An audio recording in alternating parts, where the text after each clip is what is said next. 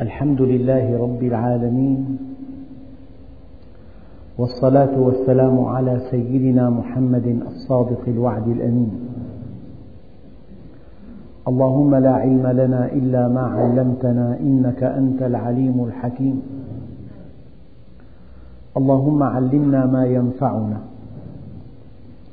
وانفعنا بما علمتنا وزدنا علما وأرنا الحق حقا وارزقنا اتباعه وأرنا الباطل باطلا وارزقنا اجتنابه. واجعلنا ممن يستمعون القول فيتبعون أحسنه وأدخلنا برحمتك في عبادك الصالحين. أيها الإخوة المؤمنون مع الدرس الثالث من سورة فاطر. وصلنا في الدرس الماضي إلى الآية الثالثة.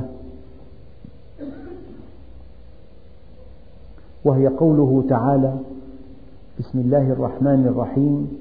يا أيها الناس اذكروا نعمة الله عليكم. هل من خالق غير الله يرزقكم من السماء والأرض؟ لا إله إلا هو فأنى تؤفكون. وإن يكذبوك فقد كذبت رسل من قبلك. يعني هذه الآية تبين أشياء كثيرة.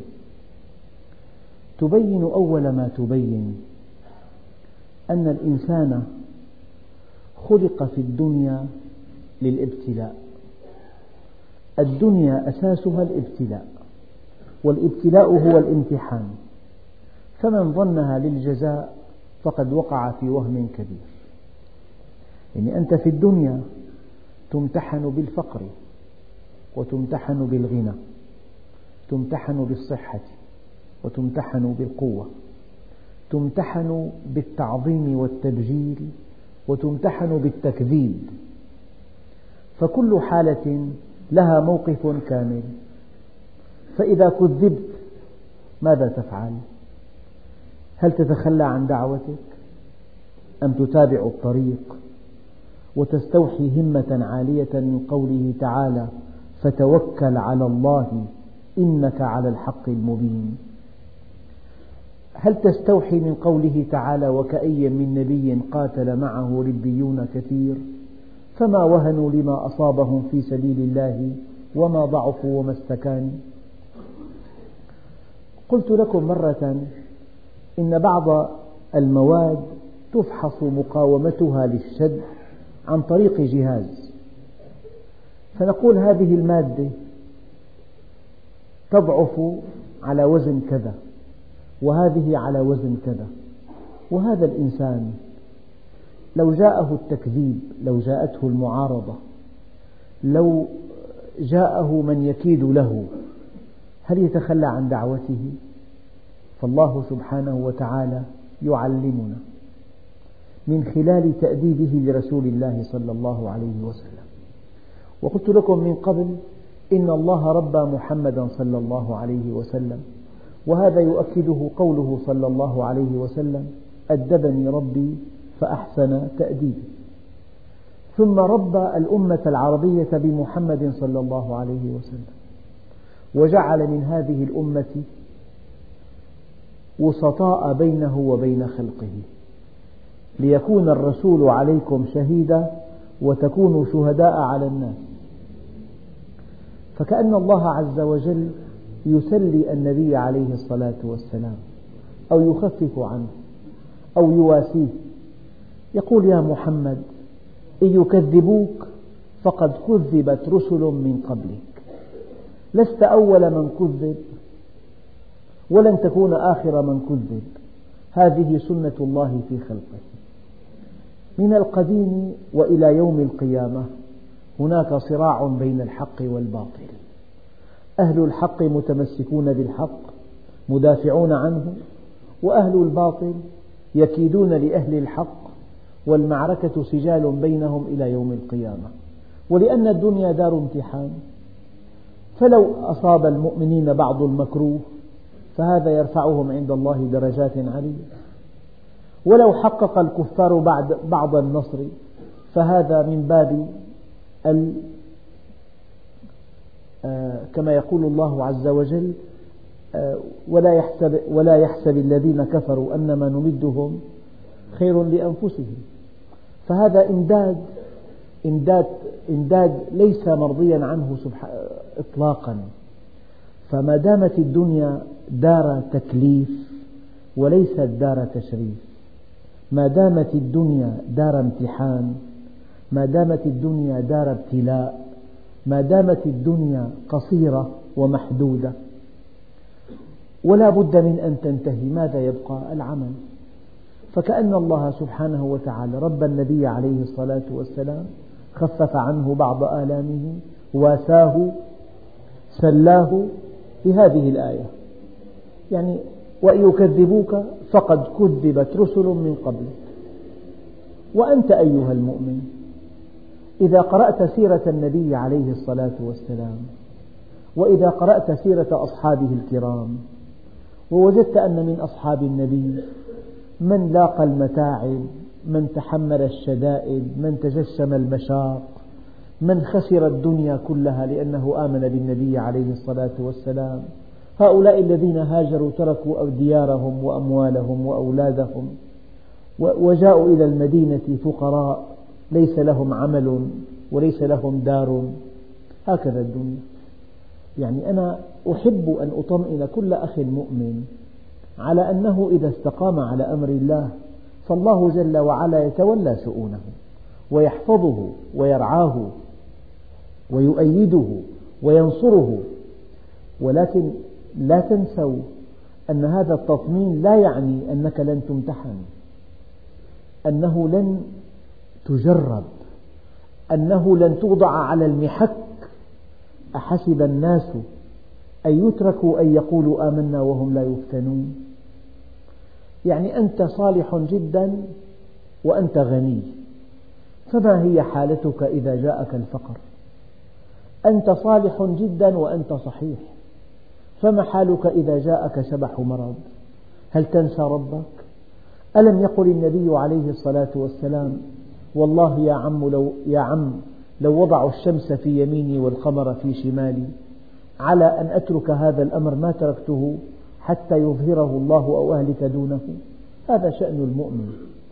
فلذلك هو تعليم للنبي والنبي يعلمنا فالإنسان من المؤمنين رجال صدقوا ما عاهدوا الله عليه فمنهم من قضى نحبه ومنهم من ينتظر وما بدلوا تبديلا. أنت عاهدت خالق الكون. عاهدته على الطاعة. يجب أن تطيعه في السراء في الضراء في إقبال الدنيا في إدبارها في الصحة في المرض قبل الزواج بعد الزواج قبل العمل بعد العمل في شبابك في كهولتك في شيخوختك وأنت مقيم وأنت مسافر. الدنيا أقبلت أو الدنيا أدبرت رفعك الله أو خفضك الله هكذا. فما وهنوا لما أصابهم في سبيل الله وما ضعفوا وما استكانوا.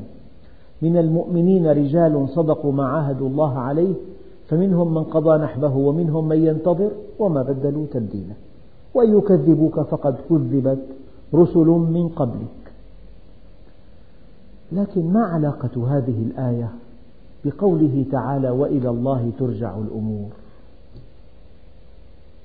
هناك علاقة دقيقة جدا. يعني أنت حينما تقوي هذه الأصبع على هذه أو هذه على هذه الأمر بيدك في النهاية. في أي لحظة تعكس الآية؟ أنت فعلت كذا قويت هؤلاء على هؤلاء. فإذا أردت تعكس الآية تقوي هؤلاء على هؤلاء. يعني نحن امتحناك. الله عز وجل يمتحن المؤمنين حينما يضعفهم ويمتحنهم حينما يقويهم يمتحنهم حينما يعطيهم ويمتحنهم حينما يحرمهم يمتحنهم حين يرفعهم. فإلى الله ترجع الأمور الأمر كله لله. وما رميت إذ رميت ولكن الله رمى. ما من دابة إلا هو آخذ بناصيتها إن ربي على صراط مستقيم. يعني لو رأيت زيدا قويا وعبيدا ضعف هؤلاء رفعهم الله هؤلاء خفضهم الله.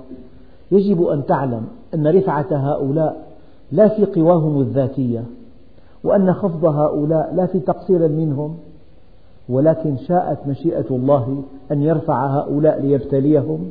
وأن يخفض هؤلاء ليبتليهم أن يعطي هؤلاء ليمتحنهم وأن يمنع هؤلاء ليختبرهم. إنا كنا مبتلين. حقيقة الدنيا أنها دار ابتلاء لا دار استواء. ومنزل ترح لا منزل فرح. فمن عرفها لم يفرح لرخاء ولم يحزن لشقاء. قد جعلها الله دار بلوى وجعل الآخرة دار عقبة أقول لكم الآن ليست البطولة ألا تصاب بمكروه. ليست هذه بطولة بل إن النبي عليه الصلاة والسلام سمى هذا الذي دائما يأتي واقفا على قدميه سماه عفريتا نفريتا. ليست البطولة ألا تصاب بمكروه ولكن البطولة إذا جاءك المكروه أن تكون كاملا في توحيدك كاملا في طاعتك كاملا في صبرك كاملا في تأديبك. فالبطولة لا أن تنجو من الابتلاء ولكن البطولة أن تنجح في الابتلاء. ليست البطولة ألا تقدم الامتحان ولكن البطولة أن تدخل الامتحان وأن تنجح في الامتحان. فإذا جاءت مشكلة جاءت مصيبة لاح شبح قضية متعبة يكرهها الإنسان ورآها من الله عز وجل رآها محض فضل رآها محض رحمة رآها محض عدل عدل ورحمة وفضل. إن رأيتها كذلك فقد نجحت. وإن شكرت الله عليها فقد تفوقت. إذا أحب الله عبده ابتلاه فإن صبر اجتباه وإن شكر اقتناه. من هذا الذي يشكر الله على مصيبة ألمت به؟ إلا الذي يعرف أن الله عز وجل ساق له هذه المصيبة رحمة به وحرصا عليه.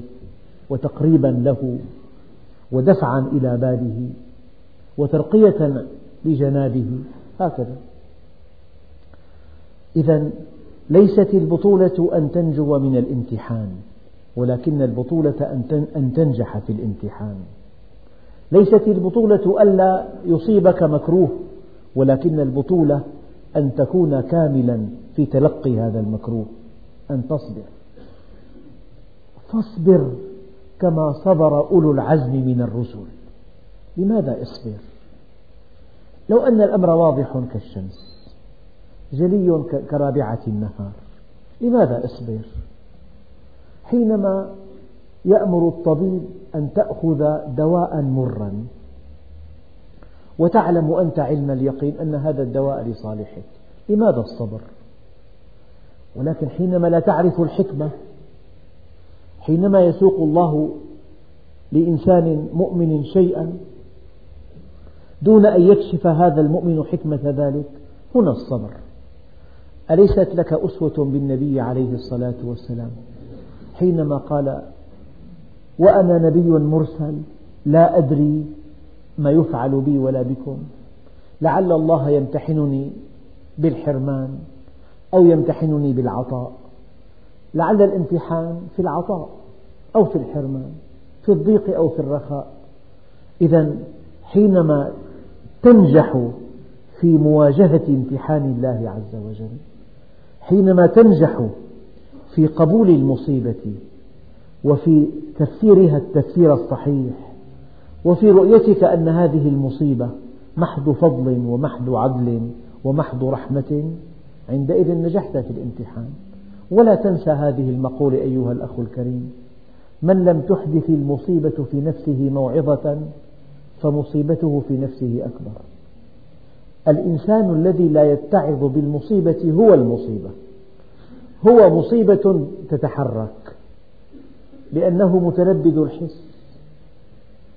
لأنه بعيد عن الفهم عن الله عز وجل. وما أصابكم من مصيبة فبما كسبت أيديكم ويعفو عن كثير. ومن يؤمن بالله يهدي قلبه إلى حكمتها وإلى سببها. لكن أنا أنصح إخوتنا الكرام أنك إذا جاءتك أنت مصيبة لا سمح الله اتهم نفسك قدر ما تشاء. ولكن إياك أن تتخذ من هذه القاعدة وسيلة للطعن بالمؤمنين. أقول هذا بشكل واضح جدا. يعني إذا جاءك شيء تكرهه لا عليك أن تتهم نفسك. أن تبحث عن السبب أن تبحث عن العلة أن تقول الله عز وجل أفعاله كلها حكيمة. ليس لله عز وجل يا رب أنت غني عن تعذيبي لكنك حينما عذبتني فلحكمة تريدها. ما هذه الحكمة يا رب؟ الله غني عن تعذيبنا. أما هناك حكمة لا بد من معرفتها. لك أن تفعل هذا مع نفسك قدر ما تشاء. أما إياك ثم إياك ثم إياك أن تتخذ من هذه الحقيقة الثابتة بالقرآن والسنة أن تتخذها سببا في الطعن على أخيك المؤمن. فلان أصابته مصيبة لا بد أنه مذنب. هذا من سوء الأدب ومن سوء التصرف ومن السلوك الذي لا يرضي الله عز وجل. وإن يكذبوك فقد كذبت رسل من قبلك وإلى الله ترجع الأمور. يعني يرفع هذا ويخفض هذا. هو الرافع وهو الخافض. يعز هذا ويذل هذا. هو المعز وهو المذل. إلى الله ترجع الأمور. مقاليد الأمور بيده. القوى كلها بيده. خيوط القوى كلها بيده. فإذا رفع فليمتحن وإذا خفض فليمتحن. علاقة علاقة جزئي الآية. وأن يكذبوك فقد كذبت رسل من قبلك. يعني حينما سمح الله لهم أن يكذبوك. ابتلاهم بالتكذيب وابتلاك. ابتلاهم بأنهم كذبوا. وابتلاك بأنك قد كذبت. ماذا يصنع المكذب؟ أيتخلى عن دعوته؟ حينما يسلط الله إنسانا على إنسان ابتلى المتسلط وابتلى المسلط عليه. نعم. يا أيها الناس إن وعد الله حق. كلمة حق الأمر أي استقر وثبت. فوعد الله عز وجل حق لا ريب فيه واقع لا محالة واقع لدرجة أن الله عز وجل يعبر عما يعد فيه بالزمن الماضي. إذ قال الله يا عيسى ابن مريم أأنت قلت للناس؟ هذا أمر لم يحدث بعد ولكن لتحقق الوقوع جاء بصيغة الماضي. فإن وعد الله حق النار حق والجنة حق والصراط حق والميزان حق ونشر الصحف حق وعذاب القبر حق والبرزخ حق والجنة حق أبدا. إن وعد الله حق. يعني أي وعد وعد الله به إنسانا يجب أن تؤمن أنه كأنه وقع. أنه كأنه وقع لشدة مصداقية وعد الله عز وجل. مصداقية وعد الله عز وجل تقنعك أو تؤكد لك أن هذا الشيء قبل أن يقع كأنه وقع. في القرآن آية تشير إلى ذلك. أتى أمر الله. فلا تستعجلوه معناها لم يأتي بعد. لا تستعجل قدوم الامتحان. معناها لا الامتحان لم يأتي بعد. فكيف يقول الله عز وجل أتى أمر الله؟ يعني ما دام أمر الله قد وعد به فهو واقع لا محالة وكأنه قد أتى. فلا تستعجلوه. يا أيها الناس إن وعد الله حق. لا بد من مغادرة الدنيا. يعني ما علاقة القسم الأول من هذه الآية بما بعده؟ يا أيها الناس إن وعد الله حق فلا تغرنكم الحياة الدنيا. تغرنكم الحياة الدنيا.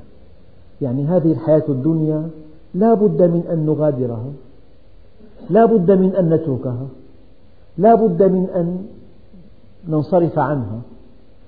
فإذا هذا الذي اغتر بها ورآها كل شيء وعلق عليها الآمال وباع من أجلها دينه وعرضه وباع آخرته وارتكب المعاصي والموبقات وأكل المال الحرام واعتدى على الناس وبنى مجده على أنقاضهم وبنى عزه على ذلهم وبنى غناه على فقرهم وبنى حياته على موتهم من أجل دنيا محدودة. قال عليه الصلاة والسلام يعاتب الأنصار. أوجدتم علي في أنفسكم من أجل لعاعة لعاعة. تألفت بها قوما ليسلموا ووكلتكم إلى إسلامكم. فالدنيا تغر وتضر وتمر. فإن وعد الله حق.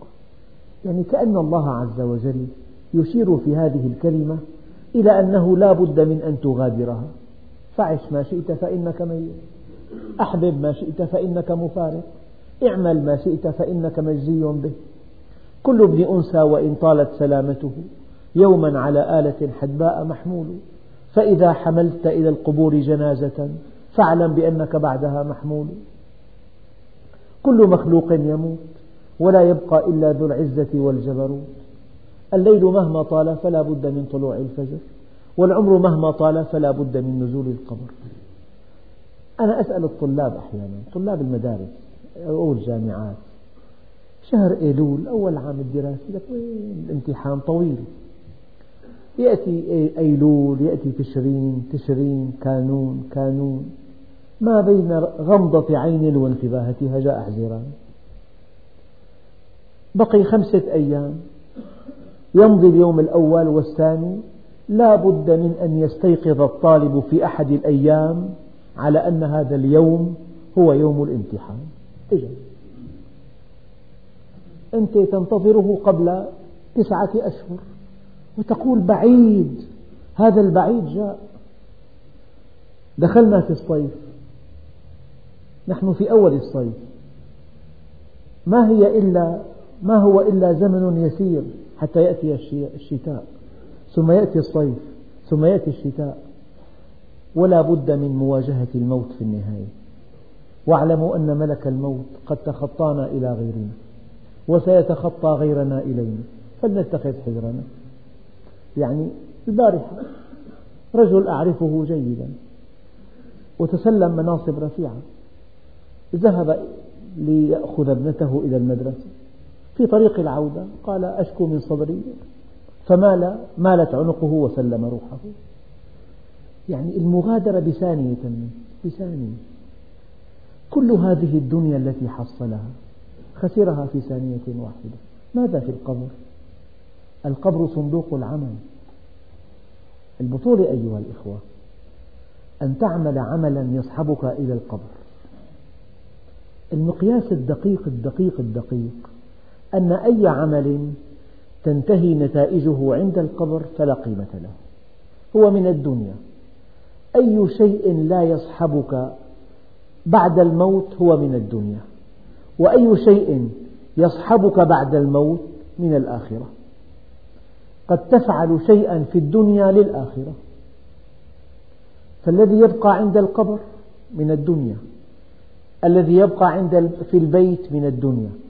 أما الذي يدخل معك القبر من الآخرة. يا قييس إن لك قرينا تدفن معه وهو حي ويدفن معك وأنت ميت.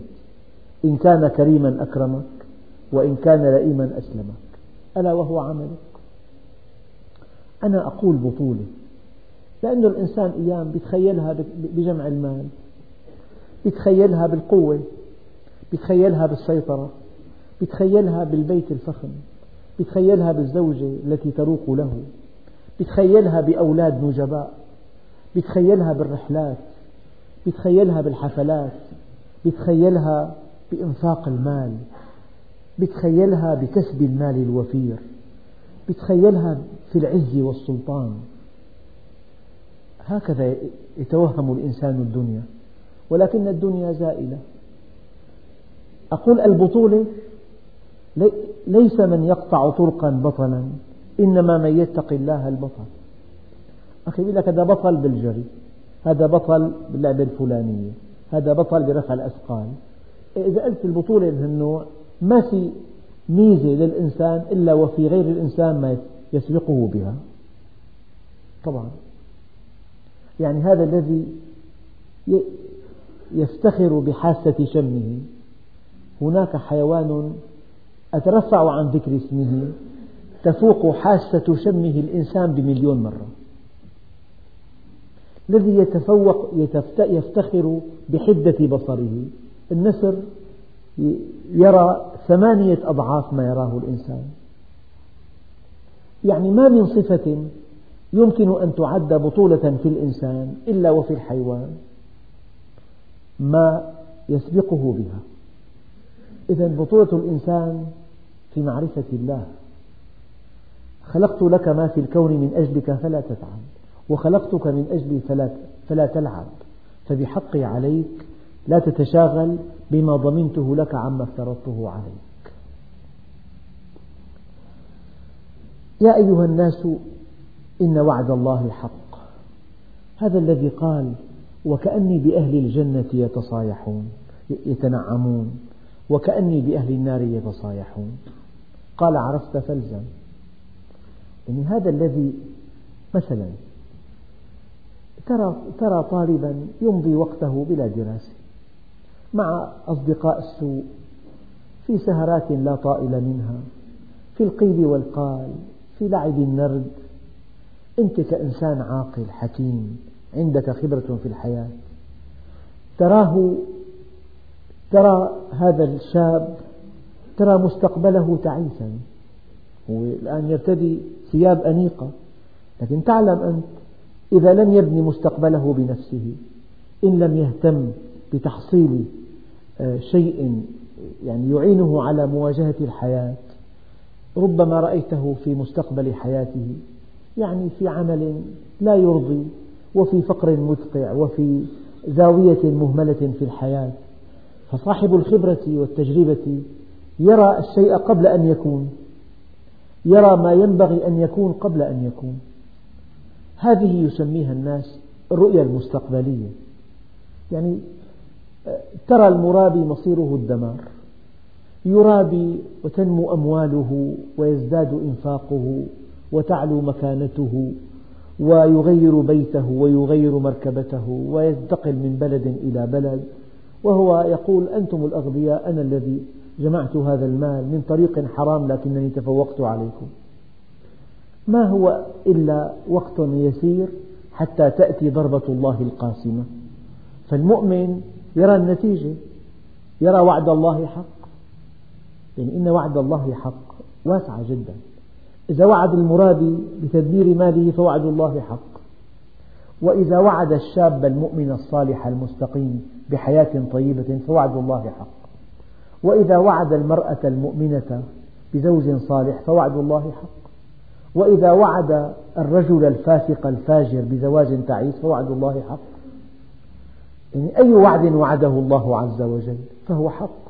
إن وعد الله حق. لا بد من أن يقع. زوال الكون أهون على الله من أن لا يقع. لا بد من أن يقع. فأيضا البطل الذي يصدق كلام الله عز وجل.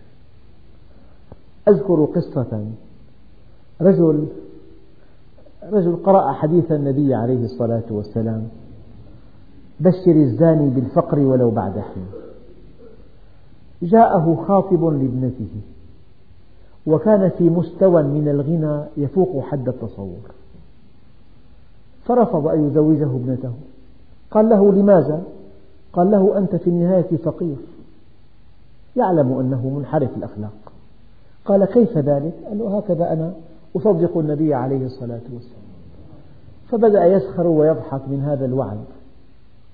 ولم تمض أعوام عدة حتى هبط دخله وذهب ماله ولم يمت إلا مادا يده للناس. بشر الزاني بالفقر ولو بعد حين. بشر القاتل بالقتل.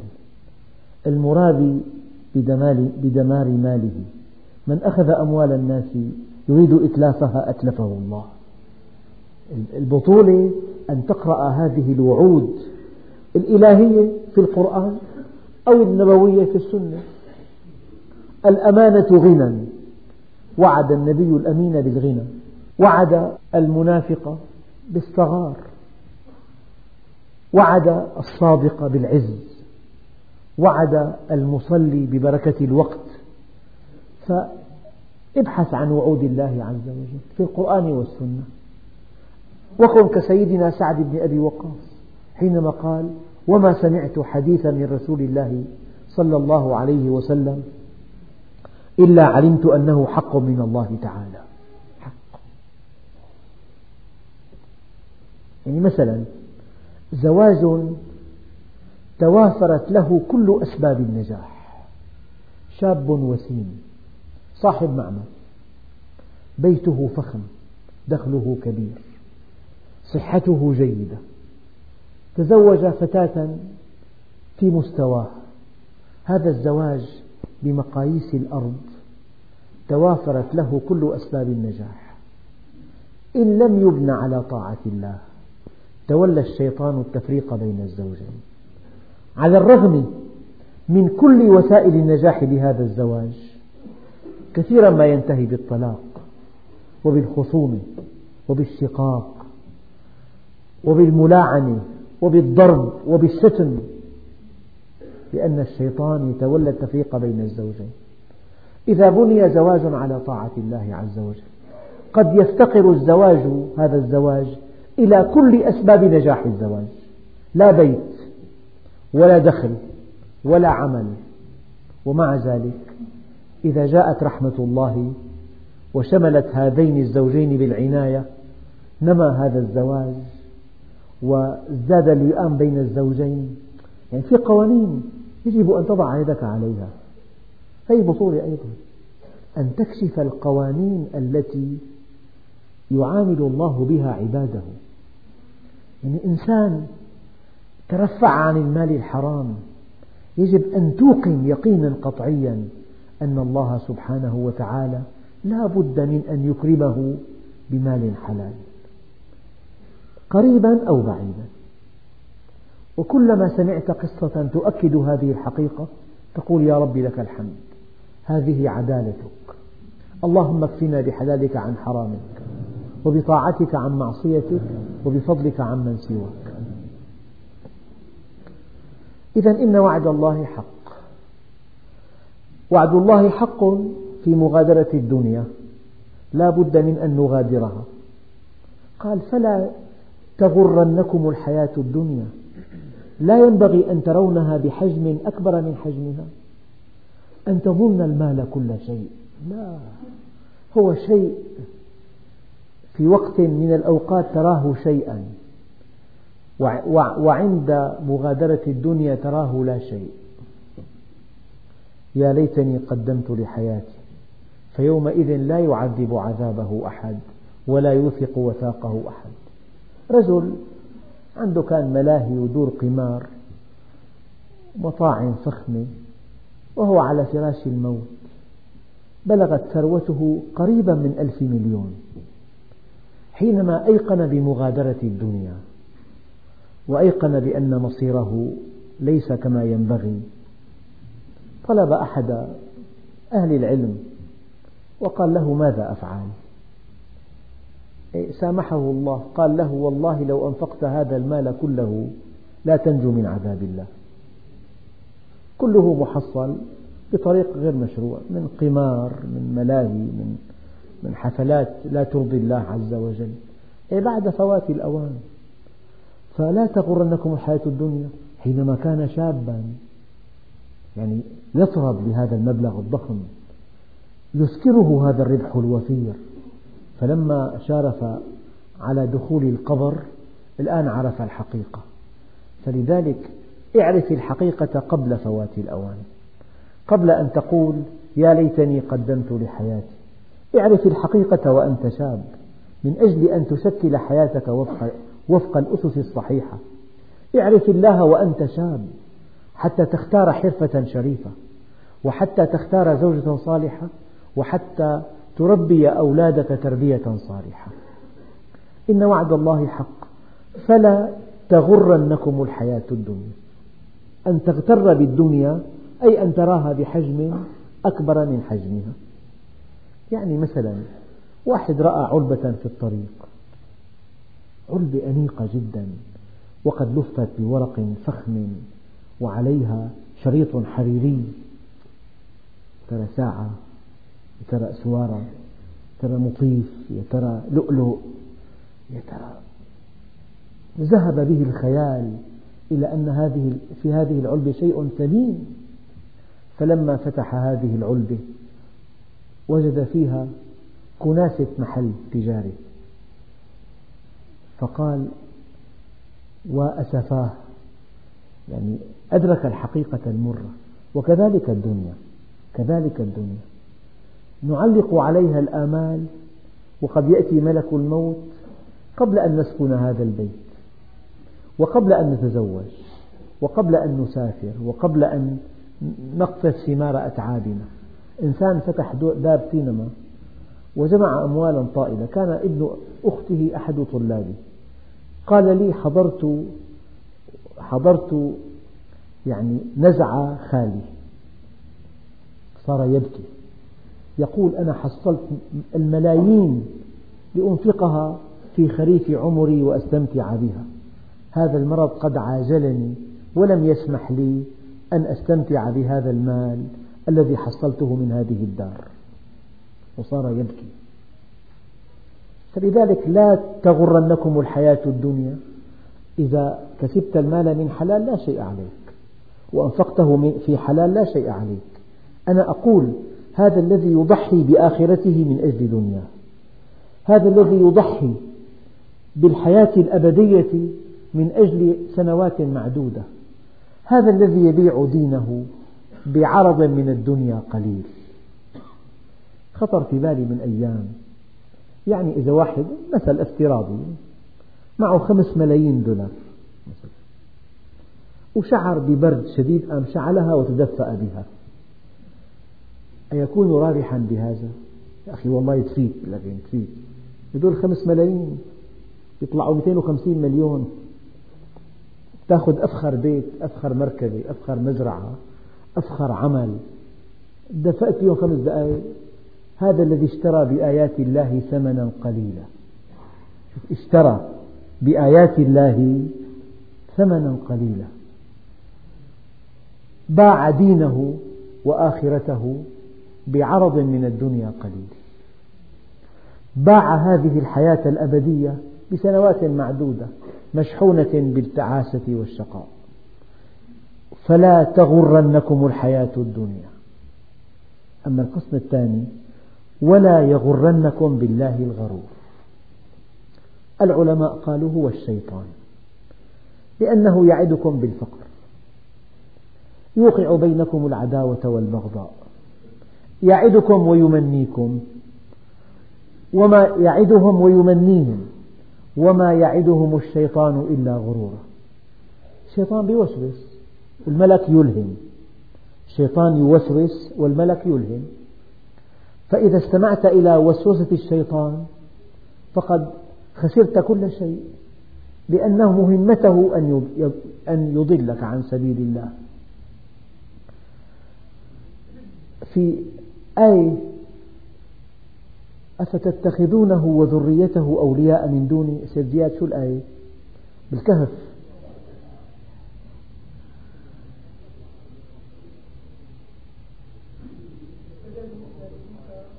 نعم. أبى واستكبر.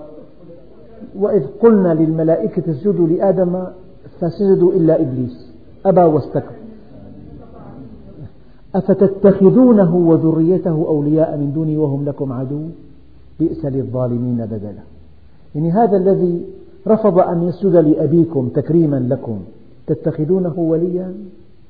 تتخذونه آه، هاديا لكم؟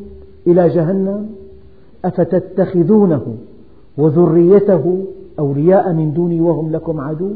بئس للظالمين بدلا. أي دقيقة جدا. إذا الغرور هو الشيطان.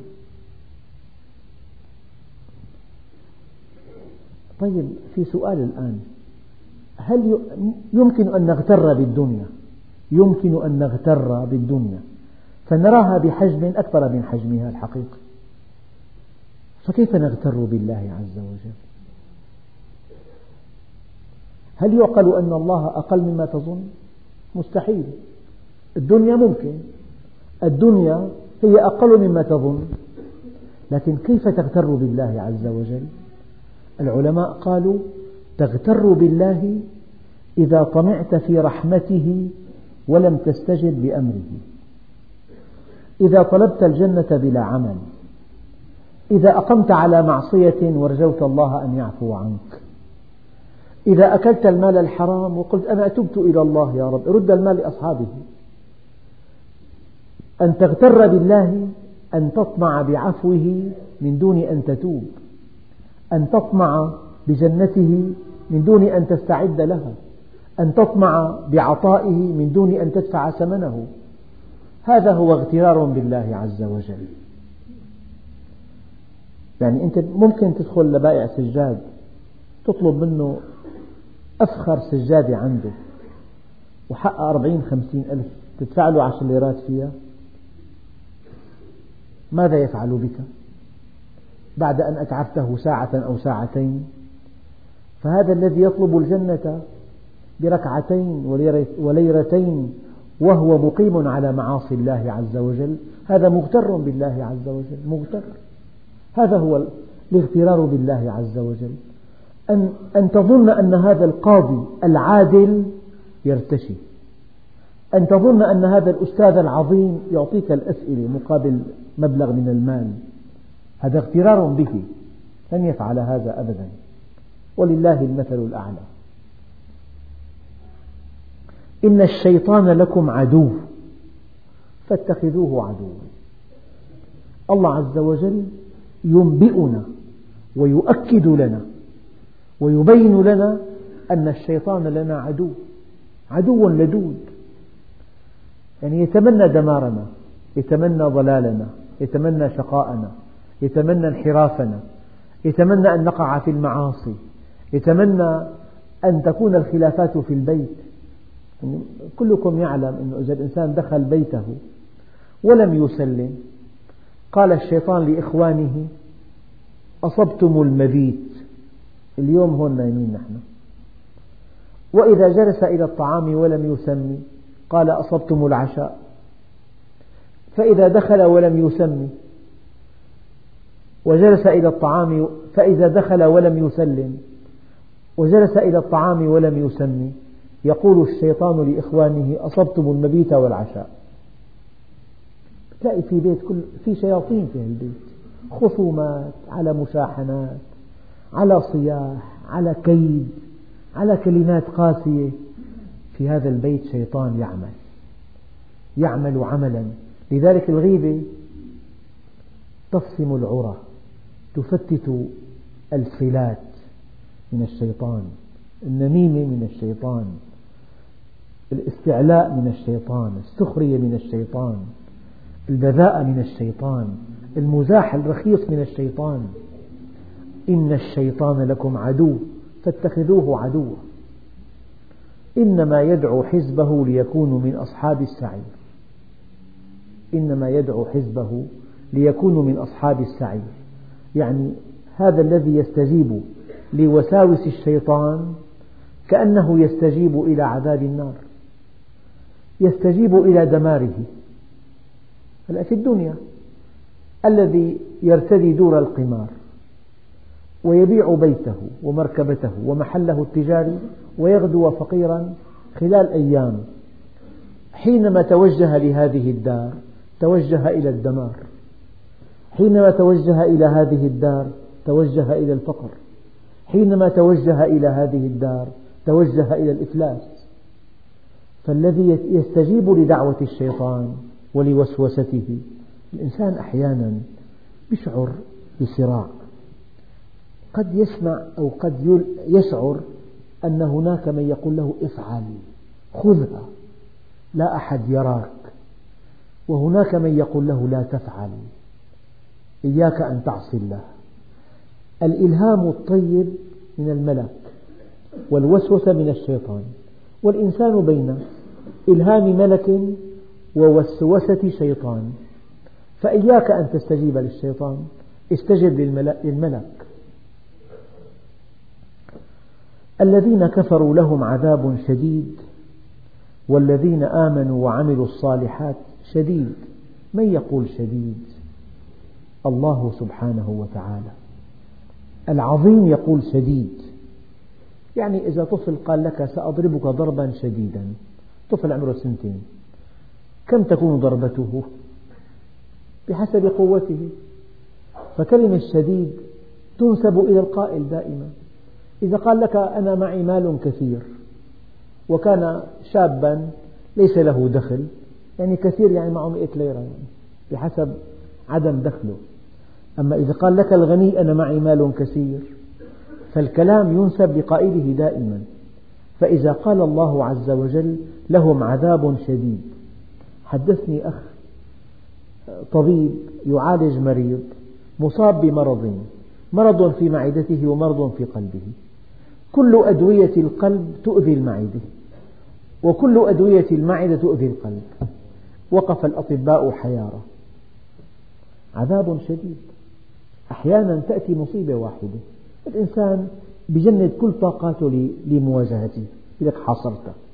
لكن ربنا عز وجل حينما يقرر أن يصيب الإنسان بعذاب شديد يبتليه بالفقر وبالمرض. ليس معه ثمن الدواء. وقد يبتليه بالشقاق الزوجي مع مرضه وفقره هو وزوجته في خصام شديد. وقد يبتليه بمشكلة خارج, عن خارج بيته. وقد يبتليه بعدة مصائب في آن واحد. فالإنسان أحيانا ربما استطاع أن يواجه مصيبة واحدة أو مصيبتين ولكن إذا أراد الله عز وجل أن يصيبه بعذاب شديد تأتيه الأمور من كل جانب. تستحكم حلقاتها. الذين كفروا لهم عذاب شديد والذين آمنوا وعملوا الصالحات لهم مغفرة وأجر كبير. المغفرة شفاء. والأجر الكبير هو العطاء. شفاء وعطاء. تخلية وتحلية. تطهير وإكرام. عفو وبلوغ المرام. لهم مغفرة وأجر كبير. والكبير يقول لك الأجر كبير. إذا قال لك فلان حيهديك هدية. من فلان؟ فلان صديقك. من أصحاب الدخل المحدود. معناتها هديته. رمزية. إذا كان إنسان كريم وغني سيهديك هدية بتقيسها لغنى وكرمه. فإذا قال الله عز وجل لهم مغفرة وأجر كبير خالق الكون الكبير المتعال يقول لك الأجر كبير. لذلك أعددت لعبادي الصالحين ما لا عين رأت ولا أذن سمعت ولا خطر على قلب بشر. أما الشيء الذي يعد مصيبة المصائب